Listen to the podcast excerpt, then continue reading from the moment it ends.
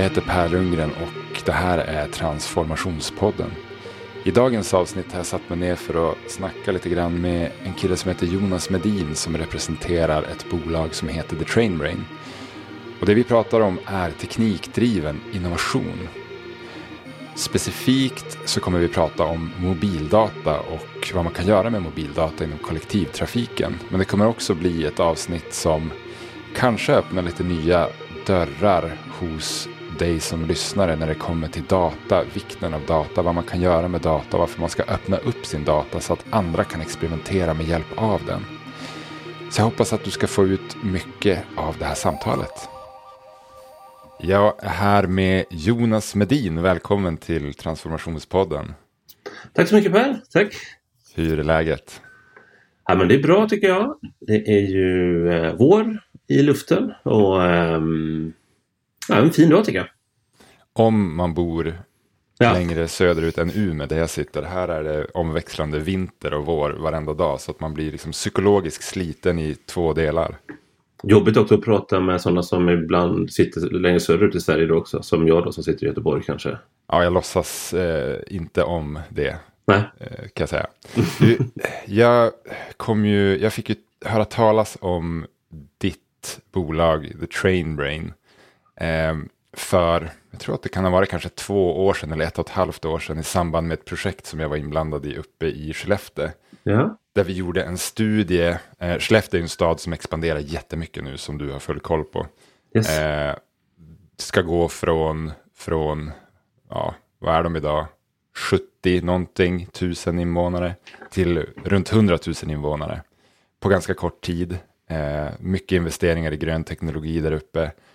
Och det här projektet vi gjorde var runt kollektivtrafiken, att, att peka ut en, en positiv framtidsbild för hur det ser ut där uppe när man har lyckats med alla de här utmaningarna man står för. Hur ser det ut?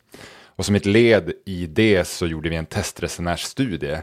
Alltså vi identifierade en massa människor som inte idag åkte buss i Skellefteå. Många som var inflyttade och precis hade börjat jobba på till exempel Northvolt där uppe. Och så ville vi förstå hur de upplevde eh, busstrafiken. Vad var det som var lätt? Vad var det som var svårt? Skulle de kunna tänka sig att åka buss i Skellefteå och inte köpa bil eller flera bilar? Som, som beteendet, liksom normen där uppe är.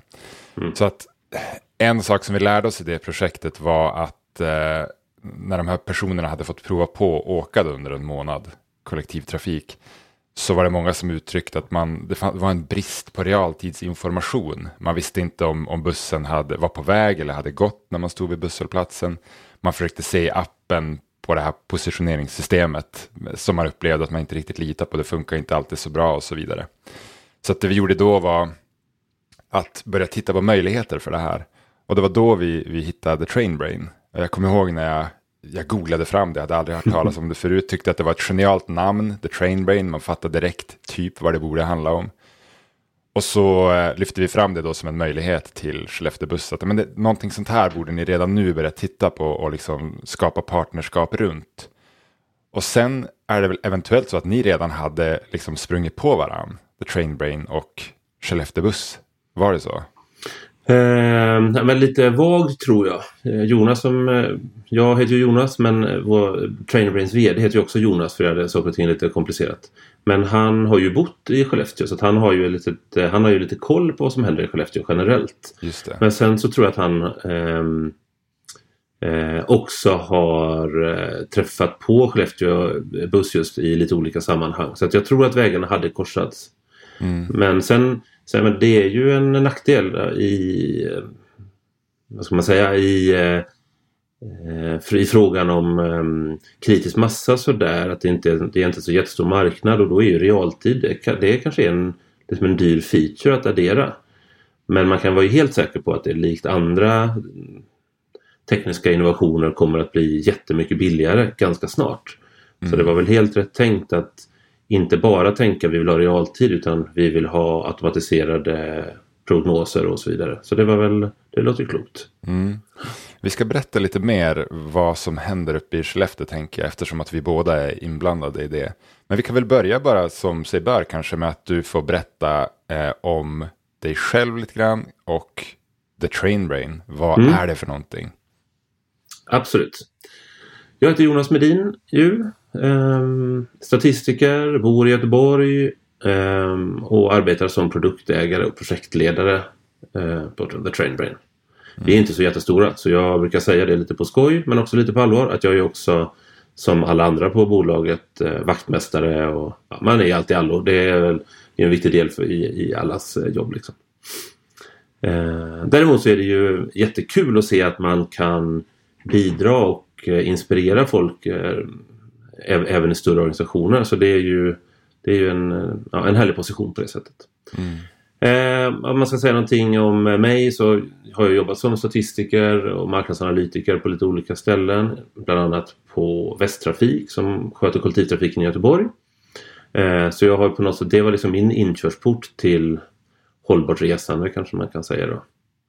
Och ska man säga någonting mer eh, generellt om mig så kan man väl, jag har liksom sådana här generiska intressen som min familj och kompisar och sånt. Samt ett blåvittrande fotbollslag från min hemstad här som också är ganska centralt, inte minst socialt för mig. Eh, men dessutom så har jag ju lite privat eh, haft någon typ av intresse för ja, men, digitalisering och utveckling och kundbeteende, kanske kopplat till psykologi inte minst. Typ sådär. Så en bra, bra cocktail av intressen och förutsättningar för att driva ett bolag som heter Trainbrain som egentligen bygger på algoritmer som gör det möjligt att, att för liksom, kollektivtrafiksleverantörer att göra en massa nya saker helt enkelt. Kan du inte berätta lite grann vad är, vad är liksom Trainbrain pitchen för någon som inte är djupt eh, kunnig om algoritmer och AI?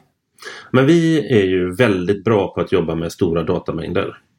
Och um, det är verkligen det vi är väldigt bra på. Sen gör vi ju en del annat Eh, men det är liksom kärnan och det är kärnan i alla saker som vi gör kan man säga. Alla projekt vi håller på i. Och jag, eh, alltså, eh, man kan säga att vi framförallt jobbar i två ben. Det ena benet är det som heter Rörelsen i en stad. Som handlar om att, att följa individer fast på ett avidentifierat sätt med hjälp av mobilrörelser, alltså simkortsrörelser. Och hela det började egentligen med, ehm, med det tragiska utredningen i det tragiska mordet av Lisa Holm i Blomberg. Det väl, börjar väl bli en drygt fem år sedan nu. Men där behövde man... Eh, ja, polisen kom på att de behövde spåra... Om de, om de skulle lyckas spåra personer som hade varit i området att man kunde göra det med hjälp av mobilrörelser. Mm.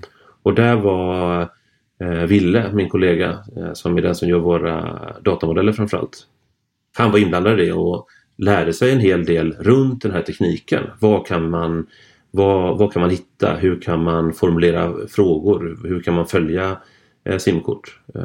Så det, vid det här tillfället så var det inte eh, det hade inte gjorts förut i Sverige det här att man kan gå in på väldigt fin granulär nivå och ja, singla precis. ut personen. Precis, och, och alltså ehm, vi pratar ju ibland om eh, crowd analytics eller movement analytics eller, eller liknande och det, det populariseras ju i, i Sverige under pandemin. Dels av, eh, fanns ju Google-data att tillgå så fanns ju data från Telia att tillgå.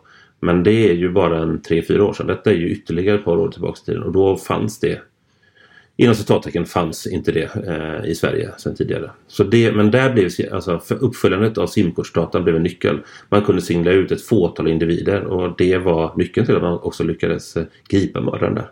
En av nycklarna. Det är klart att det var, fanns fler också. Just det. Så att okej, okay. det började med att polisen kontaktade den här personen, Ville. Ja, precis. Eh, och han fick, fick se om det fanns något sätt, givet liksom den teknik och den data som fanns, kan man singla ut individer? Liksom, kan du säga någonting mer om hur? Ja, men det handlar ju, det handlar ju om att um, det, blir, det blir lite tekniskt detta men det handlar ju om att uh, det finns basstationer kopplade till, uh, till uh, mobilnätet eller mobilmaster. Och då kan man helt enkelt se var man har varit uppkopplad. Mm. och Det är klart att det har gått förut men man har väl inte använt den tekniken för den har inte ansetts tillräckligt noggrann. Eller sådär. Men, men, eh, i det här fallet så var det precis det som hände och att man lyckades singla ut ett antal ganska få, få individer som hade som hade haft ett beteende eh, som man visste att den som hade begått det här mordet eh, hade haft. Och i beteende, geografisk rörelse alltså. Ja. Okej. Okay. Och vad är bryggan då från det till Trainbrain? Hur, hur... ja precis. Eh, lite mer positiv anda kan man säga. att Det finns ju väldigt många verksamheter, både offentliga och privata, där man skulle kunna ha nytta av att veta hur folk rör sig på, ett lite bättre sätt. Jag kommer till exempel från kollektivtrafiken och då är det klart att eh, där vet den som driver kollektivtrafiken i ett område vet i regel hur många som kanske går på på vissa ställen eller på ibland på vissa ställen, ibland på några ställen. Och kanske också var de går av någonstans. Man kan köpa biljetter, det kan man ju tracka liksom.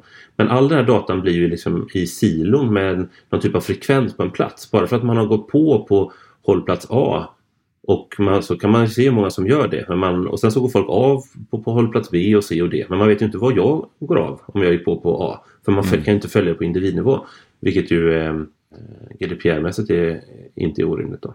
Och på samma sätt så kan man ju via till exempel eh, trängselskattskameror eller andra typer av kameror kan man följa hur bilar rör sig i, i trafiken. Och då kan man ju se att här är en bil och här är den lite senare. Men man har liksom, det, all, all den här förflyttningen finns ju liksom i olika silos som ofta hanteras av olika ja, men, eh, vad ska man säga, olika informationsägare helt enkelt. Och den är svårkombinerbar och en del är det i fordon, en del är det på individnivå. Det finns ju liksom automatisk kundräkning på vissa ställen men, men eh, det som, det som nyttan är här det är ju att man plötsligt kan följa enskilda individers rörelse. Alltså man kan se att någon utgår från sitt hem i, eh, inte vet jag, Mantorp utanför Linköping kanske.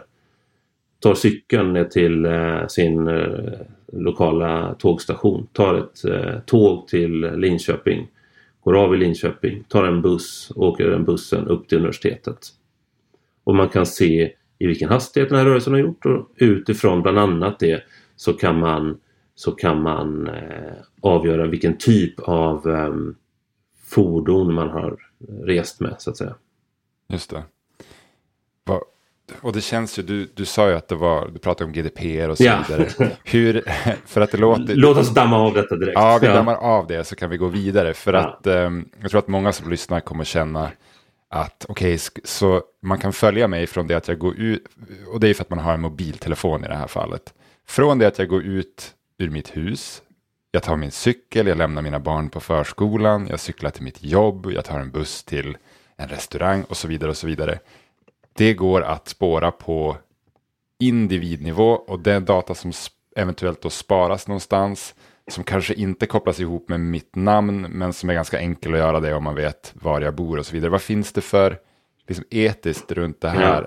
Ja. Eh, du måste ju möta mycket, ja. mycket frågor runt det. Så. Ja, men för, för det första så kan man säga, hur granulärt går det här att se? Går det att se vilken restaurang man satt på? Nej, det gör det inte. Man kan nog se vilken gata man har rört sig på. Men på vilken sida av gatan, det går liksom inte att se. Så det är ju ett perspektiv. Alltså. Det finns liksom en gräns i hur granulärt det är. Sen är det ju dessutom så att om det är så att för, för uh, få individer gör den här rörelsen då får inte vi den från den uh, teleoperatören som vi samarbetar med. Utan okay. det måste vara en, en, större, en, en, större rörelse, alltså fler individer som rör sig. Därför att det ska inte gå att singla ut enskilda individer. Och den här, tele, den här teleoperatören som vi arbetar med Oftast är det tre i Sverige. Så ehm, de har naturligtvis jättetydliga regler om vad de får dela med sig om för data. Så att det är, de får inte dela med sig den till oss. Sen kan det hända i vissa utvecklingsfaser att vi kan arbeta med eh, lite, ehm, lite mer fingranulär data, inte mer fingranulär men lite mer individuell data men då är den så att säga scramblad lite grann så det är det pålagt litet filter för rörelsen så att, man inte, så att man helt enkelt inte ska kunna identifiera individer. Just det. Då kan man andas ut på den fronten. eh, tills... jag, men så här, jag tycker att man alltid ska ha det här med sig för jag tycker ja. att det är, det är någonting eh, som, det är liksom både fascinerande och lockande men man vill ju inte heller bli trackad för mycket som individ. Eh, alltså jag, Jonas Medin, vill inte det. Så jag tycker att det också är viktigt att man, att man har med sig det. Är det här riktigt rimligt liksom? Och vi är, I vårt samarbete då med, med, eh, med Tre så arbetar vi med en, en man där som hjälper oss lite grann eh, i att ta ut data och göra det där. Eh, gör ett kanonjobb eh, tillsammans med oss. Och, men det är svårt för honom att identifiera sina egna rörelser därför att i deras värld så är datan liksom separerad så att han kan inte han kan inte utgå från sitt telefonnummer och leta fram sin rörelse utan då är man tvungen att veta men eh, just det, den dagen så var jag eh, först eh, hemma eh, på där jag bor och sen åkte jag till Saltsjöbaden och sen åkte jag ner till Kalmar senare på kvällen. Mm. Det beteendet är kanske relativt unikt och då kan man kanske ja, men helt enkelt göra liksom, sökningar i geografisk rörelse för att leta fram honom. Och då mm. sen kan man se då några dagar före och några dagar efter vad han har haft för andra rörelser. Men jag menar det, det är ganska väl bevarat på det sättet att, att inte ens att inte ens de som jobbar där kan identifiera det. Nej, men jag tänker om Jonas Medin bränner ner Ullevi i någon sorts besvikelse mm. någon vårkväll här. hade, inte, hade inte varit oävet efter mitt fotbollslags eh, säsongsinledning. Nej, vi pratade om det lite grann innan vi började spela in. Eh, men du, skulle det då gå att, alltså med, med polisens hjälp singla ut de individer som har haft ett rörelsemönster som är misstänkt kopplat till det, det hypotetiska brottet? Så jag, jag vet inte detta. Eh, det skulle gå. Det skulle det absolut göra. men det, rimligtvis så var det ju 15 000 till på samma ställe. Mm. Så då måste man kanske veta att, att man att, man, att den hoppade in i en bil som körde norrut eller, mm. eller något liknande och så följde, bil, och så följde polisen efter den eh, hela vägen till norska gränsen. Ja, men då har man ju ett, lite av ett unikt beteende. Ett, litet, ja, precis. och man kanske inte måste vara hela vägen till norska gränsen. Det kan kanske räcka att man tar sig till eh, Lysekil, mm. jag vet inte. Men, men eh, man måste ju på något sätt, det måste finnas lite, lite mer. Så just när det är i ett tätbefolkat område så blir det lite utmanande. Att det går i, i det fallet som du tar upp, det gör det ju. Sen mm. vet jag inte hur grovt ett brott måste vara för att polisen ska kunna få göra det här. Nej, som helst. precis. Och vet du hur länge den här typen av data lagras? Uh, jag tror att det är så att den lagras i två år, tror jag. Just det. Så om vi får ett snabbt politiskt eh, radikalt skifte i Sverige så skulle någon despotiskt lagd person i teorin kunna använda den här typen av data för att fängsla meningsmotståndare och dylikt. Superhypotetiskt. Superhypotetiskt. Man vet ju inte hur snabbt någon i den superhypotetiska situationen går ner och raderar datan Eller, Jag, jag, Svårt, svårt att säga. Ja, det är inte det här vi framförallt ska prata om. Jag ville bara lyfta på det locket. Absolut. Ja, men, det, det jag tycker är spännande är, är, ju att, för jag menar, datan är ju inte er innovation, utan datan är ju en, en möjlighet. Och vad är det ni har adderat till datan som gör att den går att använda för att skapa nytta för olika människor? Ja, eh, dels är det så att vi kombinerar den här datan man kan säga att det är två olika saker vi gör. Dels så bearbetar vi den här 3-datan eh, och dels så kombinerar vi den med, med annan data. Det är egentligen de två sakerna som vi gör. Mm. Och i, i frågan om um, att behandla datan så, så har vi hittat ett sätt att istället för att fokusera på var man befinner sig som individ mer betrakta rörelsen.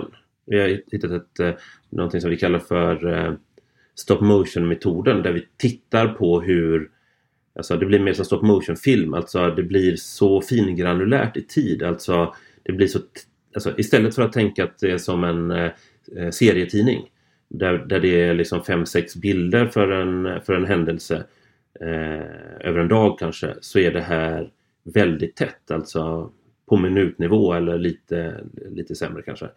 Och det gör att man egentligen får en, en rörelse, alltså en stop motion. Man, man kan se hur en person rör sig genom mm. att titta på den med, med, eller titta på dem med, med jämna mellanrum. Och det gör att man lite mer granulärt kan avgöra var folk har varit.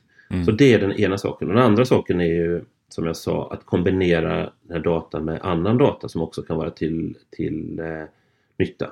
Det går till exempel att knyta om man, kan, om man eh, tror att folk har rört sig med kollektivtrafik till exempel, då, kan man, då finns det eh, på många ställen öppen data för hur kollektivtrafiken rör sig. Då kan man matcha ihop det för att, för att få en eh, en bättre förståelse för hur folk rör sig. Helt enkelt. Just det. Och hur, om vi, tar, om vi börjar med mig som resenär. Där, mm. där har jag ju ett genuint intresse av att kollektivtrafiken ska bli bättre på en massa olika sätt. Ja, precis. Vad kan man använda det till? Eh, vad kan man använda det till? Och en sak som jag läste på när jag, när jag eh, jag gör alltid lite research inför en podd, även om jag och du liksom har träffats och, och jobbar lite tillsammans. Mm. Så en av de sakerna som jag personligen kände väldigt starkt när jag var inne på er webbsida, det var det här med trängseln. Mm. Jag, nu bor jag i Norrland och då är trängsel inte en faktor här, men jag har ju bott i Stockholm och jag kommer ihåg det att jag liksom, jag la mitt arbetsschema för att slippa rusningstrafiken på, på tunnelbanan. Eh, så att, och det var en sak som ni tryckte på, att man kan använda det här för att sprida ut människors resande på ett sätt som gör att det blir mer jämnt, till exempel att man slipper trängselsituationer. Eh, så det var en sån sak. Men du får gärna berätta, så här, mm. vad är, för du har ju haft kontakt med människor som har ansvar för att leverera kollektivtrafik på, i olika delar av Sverige. Vad ser de för nytta med det här? Vart får ni, det kallas ju för product market fit på ja. så här business-språk. Precis, ja, men man kan säga så här att eh, det går att använda till ett antal olika saker. Men eh, att använda för trafikplanering eh, både på kort och lång sikt och kanske trafikledning i det allra kortaste sikten för kollektivtrafiken. Det är ju det som är det enklaste eh, nyttan man, man, kan tänka sig. Om man vet vad folk ska, vilka rörelser folk ska göra, då är det såklart också lite lättare att planera efter det. För som jag beskrev det förut lite grann, eh, om man vet, om man plötsligt Eh, om, man, om man ersätter med att man vet hur många som går på på olika ställen och hur många som går av på olika ställen med vilka enskilda individuella rörelser man ska hjälpa folk med. Då går det helt enkelt att göra ett bättre trafiksystem. Så, så, så är det. Och I test vi har gjort eh, i bland annat Södertälje så har vi sett att det går att göra kanske eh, 20 effektivisering eller något i den, i den häraden. Men det kan ju också användas till trafikledning på lite mer kortare sikt. Alltså att eh, stötta förståelsen för trafiksystemet så att man kan eh, så att man innan situationer uppstår kan, eh, kan hjälpa till eh, mm. och, och, och förbättra. Och man kan säga att vi arbetar med tre olika eh, modeller i det som är vårt andra ben. Om vi tänker att det här med rörelsen, det handlar om, det handlar om vad behovet av rörelse är. Så kan man säga att vi i ett, i ett annat ben arbetar med, med ankomstprognoser på olika sätt.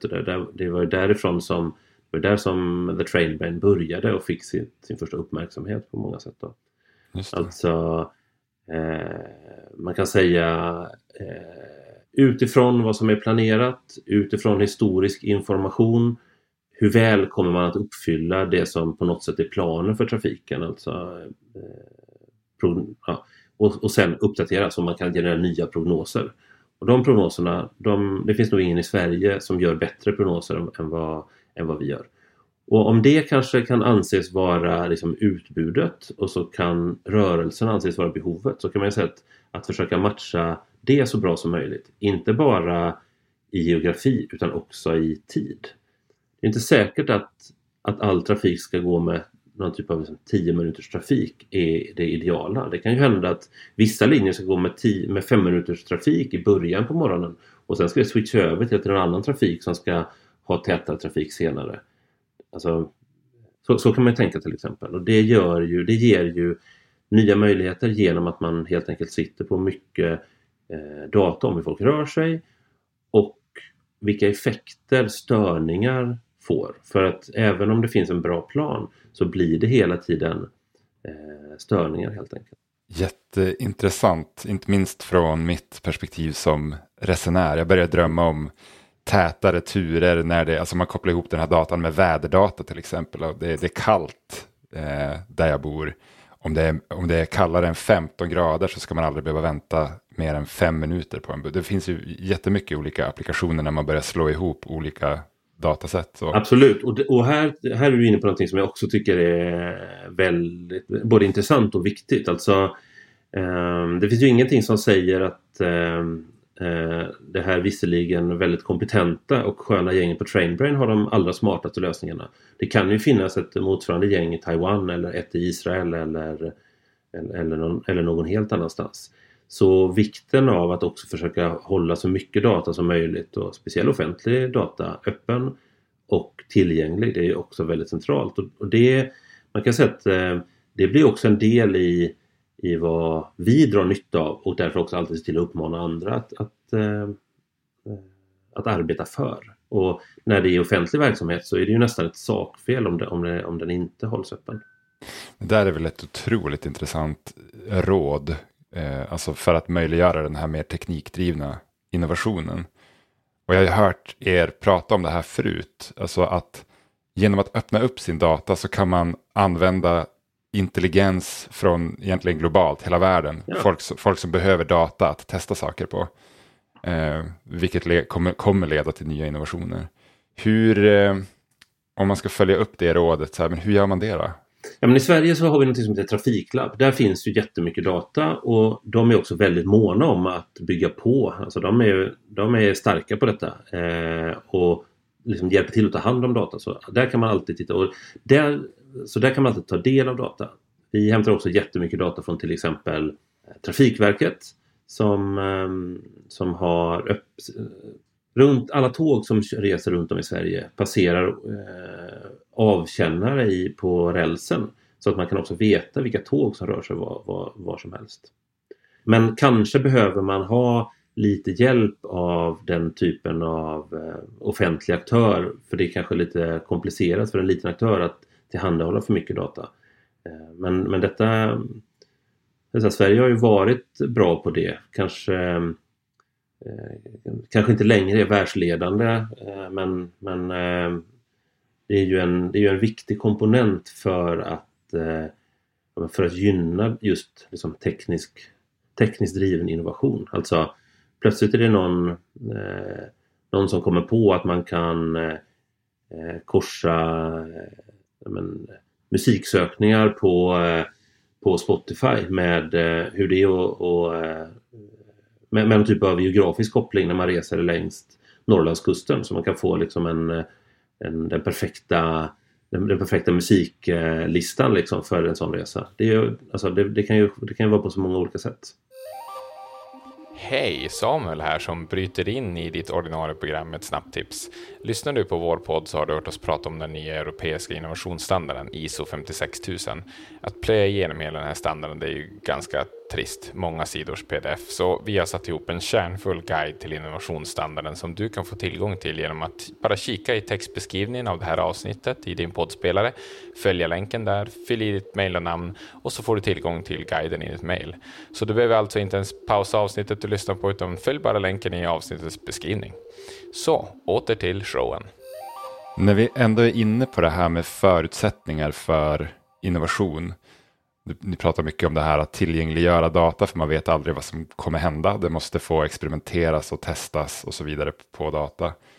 Vad, vad tycker du mer om både liksom vad, som, vad du har sett eh, i ditt jobb, vad som främjar innovation och vad som kan vara ett hinder för det? Hur, hur, det är en bred och konstig fråga mm. så här avslutningsvis, men jag lämnar över bollen till dig. ja, du får se, du får uh, antingen stoppa mig eller kanske komplettera med ytterligare Precis. frågor. Om du, sådär. Men, men jag tänker så här. Eh, väldigt många datasystem eh, eh, i alltså, Jag har jobbat på ett antal olika företag i ett antal olika branscher. Och liksom, eh, både liksom nystartade och i eh, heldigitaliserade men också i mer traditionella branscher. Och någonting som är ganska vanligt när, när man är lite, ett lite äldre företag det är ju att man att det, den, liksom, när man började samla på sig data så eh, var det, det, det, var liksom inte en kärna i verksamheten utan det var, eh, det var typ dataloggar som någon bara sparade ner. Och det gjorde man, man förstod ju inte att man förstod inte då att det skulle kunna bli nyckeln i allting man gör utan det sparades bara ner lite grann, eh, lite vid sidan. Och hade man vetat då så hade man säkert hittat ett bättre sätt att systematisera, se till att den här datan pratar med varandra och, och så mm. vidare. så det tror jag, det, det tror jag många företag liksom upplevde som ett reellt problem. Man förstod inte att det var guldet man höll på att hantera när, när det började. För det var inte guld då. Man hade, inte, man hade inte förmågan, man hade inte kapaciteten, man hade inte kraften. Eh, och nu ett, eh, ett par decennier senare så eh, är, har man ganska mycket data men den är väldigt komplex. Den, den är svårarbetad och jag har varit på, på arbetsplatser där hälften av IT arbetade med att översätta gammal data till ny data kontinuerligt. Eller man fortsatte att samla in på det gamla sättet och omarbeta till någon typ av nytt sätt att, att arbeta. Det tror jag många upplever som ett ganska stort problem och ja, men, i det skulle jag bara säga att försök hitta, försök hitta några dataströmmar som är nya och uppdaterade. Se vad man kan göra av dem. Och sen, sen får man väl helt enkelt försöka försöka se vad man kan göra och det är inte alltid som det finns ett eh, hiskeligt mod att ta avstamp ifrån. Det är inte, kanske inte på det sättet man får reda på det. Utan man får kanske, man får kanske man, man brukar ju säga att man, får, man ska gräva där man står och det kommer man ju en bit på men det blir liksom lågt hängande frukt och de första grejerna.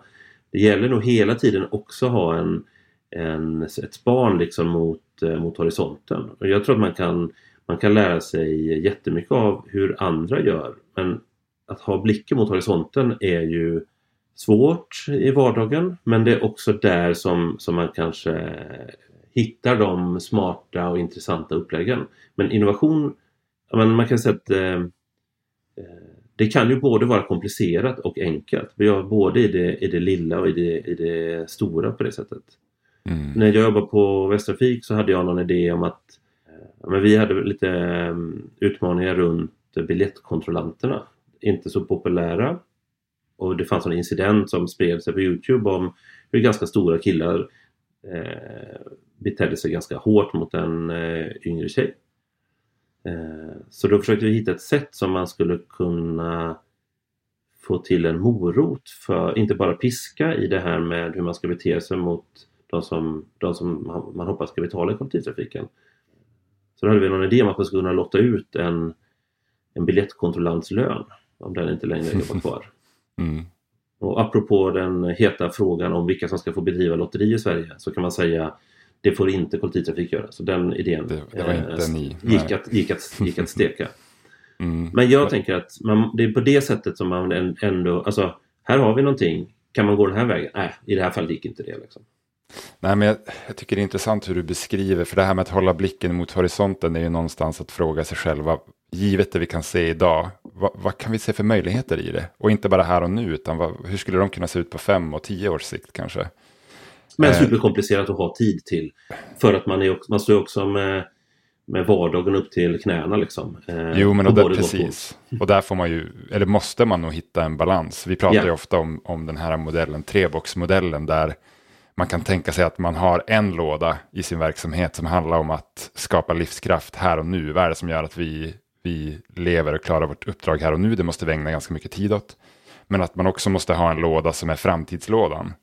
Vad ska vi liksom leva på om fem år? Hur ser det ut när vi klarar av vårt uppdrag givet de utmaningar, de risker som finns på fem, tio års sikt? Och att man också måste skapa tid för den typen av tankeverksamhet hela tiden. Och sen finns det en, en låda två i den här modellen också som handlar om att sluta göra saker, att mm. glömma, att kapa de här kedjorna till ens förflutna som egentligen bara håller tillbaka en och inte riktigt tjänar en givet vart man är på väg och vart man är just nu. Och den, kan, den mittenlådan kan ju också vara, eller den sista lådan du nämner, den kan ju också vara en bra källa till eh, innovationstanke. Alltså det kanske är lika viktigt att sluta göra saker för att lösgöra tid till annat. Att eh, behöver, vi, behöver vi den här saken? Vad är det som går sönder om vi inte gör det här? Ja. För det, väl, det, finns ju många, det finns ju många personer på många, på många ställen som gör saker för att det stod i en typ av beskrivning att man ska göra den här saken. Exakt. Och så är det, och så är det, så är det inte förrän den personen uh, olyckligt är med för, på ett benbrott uh, och, och hamnar i out of office under, under en period som man inser att det är ingenting som går sönder om inte det där görs. Nej, och det där tänker jag, det, det jag hör att du pratar om när du pratar om innovation är ju om man vågar vara transparent och öppen eh, så vet man aldrig vad som kan hända. Om man delar med sig av sin data. Du har ingen aning om vem var i världen som gör någonting med den som blir, som skapar värde sen på riktigt för människor. Och på samma sätt är det väl med att våga sluta göra saker. Vi kanske inte vågar sluta göra saker som eventuellt skulle innebära att någon ramlar från en hög ställning och bryter båda benen. Det är ju en dålig sak att sluta göra utan att veta vad konsekvenserna ja. blir. Men ganska mycket annat kan man nog sluta göra och sen man slutar göra det men man är också beredd att det kommer kanske få konsekvenser. Det kanske kommer hända saker och, och vissa av dem kanske inte är superroliga. Men vi är beredda att prova för att lära oss, för att stresstesta den här grejen vi gör och vi alltid har gjort. Hur viktig är den för oss? Jonas, det har varit jättespännande att prata med dig. Jag vet att vår tid tillsammans är slut. Du ska springa vidare här. Eh, om vår, man vill... tid, vår tid är väl inte tillsammans är väl inte slut. Vi hoppas väl att vi ska kunna jobba jättemycket i Skellefteå framöver. Men för nu? För nu är vår tid slut. Ja. Du kanske vill berätta någonting bara kort om vad, som, eh, vad vi ska göra i Skellefteå innan vi rundar av om du hinner det. Mm, ja, men, eh, vi tänker oss att vi eh, ska, lite som jag sa förut, att vi ska försöka eh, fånga eh, hur folk rör sig och försöka hur folk rör sig i Skellefteå och hur folk hur, hur vi kan möta med så att säga vi hoppas att vi ska kunna matcha utbudet, alltså mobilitetstjänster, med någon typ av efterfrågan, alltså vad som är behov av rörelse. Mm. Och i det så tänker vi oss att det också behövs en, en god portion i förändrat arbetssätt. Men det som är, händer i Skellefteå det är ju en väldigt speciell situation. Utöver den klimatbrådskan och de löften vi har pratat om. Vi har ju tagit, tagit, tagit gift på olika löften i så här Agenda 2030 och där är det ju bråttom. Men i, i Skellefteå är det ännu mer bråttom med tanke på den här starka inflyttningen. Istället för att folk ska lära sig ett um, bilorienterat sätt att röra sig så vill man ju hitta ett annat sätt. Jag vet ju att eh, köerna har ju redan... Alltså, bil, alltså, på något sätt har det redan blivit bilköer i eh, Skellefteå. Det hade kanske inte behövts om folk hade hittat ett annat sätt att eh, förflytta sig. Så det man kan säga, för har man bott i större städer så vet man att det finns en massa olika typer av mobilitetserbjudande. Allt från den elektriska sparkcykeln till bilpooler och så vidare till det man kanske traditionellt tänker på som kollektivtrafik. Men nu med era modeller så kan man börja få ihop de här så de är inte saker som existerar det är det som är, precis, parallellt. Det, nej, precis det som är syftet. Alltså, vi pratar om någon typ av eh, samlad eller kombinerad mobilitet. Eller det heter ju Mobility as a Service. Det har lite olika namn. Det har väl varit olika framgångsrikt här historiskt. Men här har vi verkligen ett, eh, en, en potentiell case-studie där vi väl tänker oss att kollektivtrafiken är kanske ryggraden. Men vi tänker väl alltså att det kan vara bilpooler och det kan kanske vara någon typ av hyrcykel och så vidare. Men, men det återstår ju helt enkelt att se. Mm. Och eh, Alltså varje stad har ju sina egenskaper. Och det är, väl ja. inte, det är väl inte jättetroligt att två olika operatörer för, eh, för elskotrar kommer att, att ta plats i Skellefteå. Men, ehm, men don efter situation på något sätt. Ja, och det tänker bli spännande för vi kommer ju också ha ett finger med i spelet där i att försöka förstå ja, men dels hur de här eh, det ni kommer med, hur det kan skapa nytta för faktiska människor, alltså resenärer, chaufförer, trafikledare, vem det nu kan vara. Hur skapar det nytta för de här människorna på riktigt i vardagen? Men också kanske att börja titta på hur ska gränssnitten till allt det här se ut? Superspännande och, och man, jag tror att man kan vara helt säker på att utöver att den här informationen kommer användas just för den här eh, Alltså att, att matcha utbud och efterfrågan för, för rörelse. Utöver det så tror jag man kan vara helt säker på att det också kommer generera en hel del eh, data och information till, till annat av samhällsbyggnadstyp. Mm. Alltså var behöver man kanske förstärka med nya vägar? Var är det rimligt att man kanske bygger nytt och, och, och så vidare. Och sen hoppas man väl att en del av den här datan hamnar ute på, på eh, som öppen data. Och drömmen vore väl att det är ett eh, ett, eh, att du får vara med i ett hackathon som, som utgår från Tokyo till exempel. Det vore väl kanonkul. Det kan vi väl drömma om tillsammans. Ja, det tycker jag. Du, om man har lyssnat på det här så tycker man att antingen om man tycker det som händer uppe i Skellefteå är spännande och vill följa det eller att man tycker att Trainbrain verkar intressant, man vill, man vill prata med dig Jonas. Hur, hur kommer man i kontakt med dig? Går det överhuvudtaget? Alltså jag tycker att man ska kika in på eh, Trainbrains eh, hemsida. Den kan man lätt googla sig till. Eh, vill man eh, på något sätt ha kontakt med mig så gör man kanske det enklast på det som numera är en, känns som en eh, gammal kommunikationstjänst som är, som är Twitter. Eh, Medin-Jonas kan man leta upp där. Och sen tror jag att vi kommer vara ganska lättillgängliga. Eh, vill man ta kontakt med oss så brukar vi eh, vara väldigt måna om att höras och ses och träffa fler. För det är ju i nu har vi pratat om innovation på många olika tekniska sätt men det är ju också i mötet mellan människor som, som mycket av det där inträffar. Alltså kompetenser eller erfarenheter som inte har kombinerats förut. Det är, det är, väl, det är väl på många sätt det vanligaste sättet av, av um, innovation. Mm. Och då måste vi våga ha nya samtal. Så ja, men har du lyssnat på det här och gillar det så finns det sätt att ta kontakt med Jonas även om det verkar vara via Twitter delvis. Vi får se hur länge det finns kvar. Exakt. Du, tusen tack för att vi fick prata med dig en liten stund. Tack själv. Ha det fint. Ha det fint.